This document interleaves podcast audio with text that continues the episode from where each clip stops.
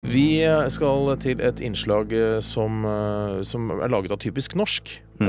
og Typisk norsk hadde hadde faktisk deg som gjest, Bjarte, eh, i et program som da ikke er sendt ennå. Men som kommer. Eh, og der eh, spør da Petter Skjerven, som er programleder, eh, og han intervjuer deg. Du sitter i sofaen her og, og prater med, med Petter. Eh, og han har også fått med seg at du er musiker, eller har spilt tromme før da i Mac and the Boys. Ja, det er riktig. Dette legendariske Stavanger-orkesteret. Eh, skal vi høre på innslaget da, da du var typisk norsk? Nei.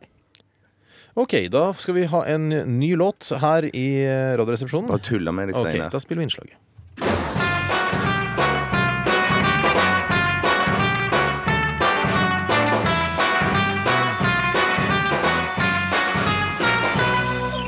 Ukens gjest er eh, musikant, og er også ganske kjent for dialekten sin, faktisk. Velkommen. Tusen takk. Du, er du interessert i språk? Ja, eller kanskje Nei.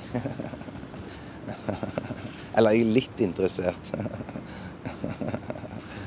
eller jeg er ikke så interessert. Si litt, du. Nei, ikke si Jeg er ikke interessert. Eller av og til er jeg interessert. Kanskje aldri. Jeg er litt aldri. Har du noen formening om hva som er det peneste språket i verden? Det peneste ja, Det må være det språket sånn som de snakker på Randaberg.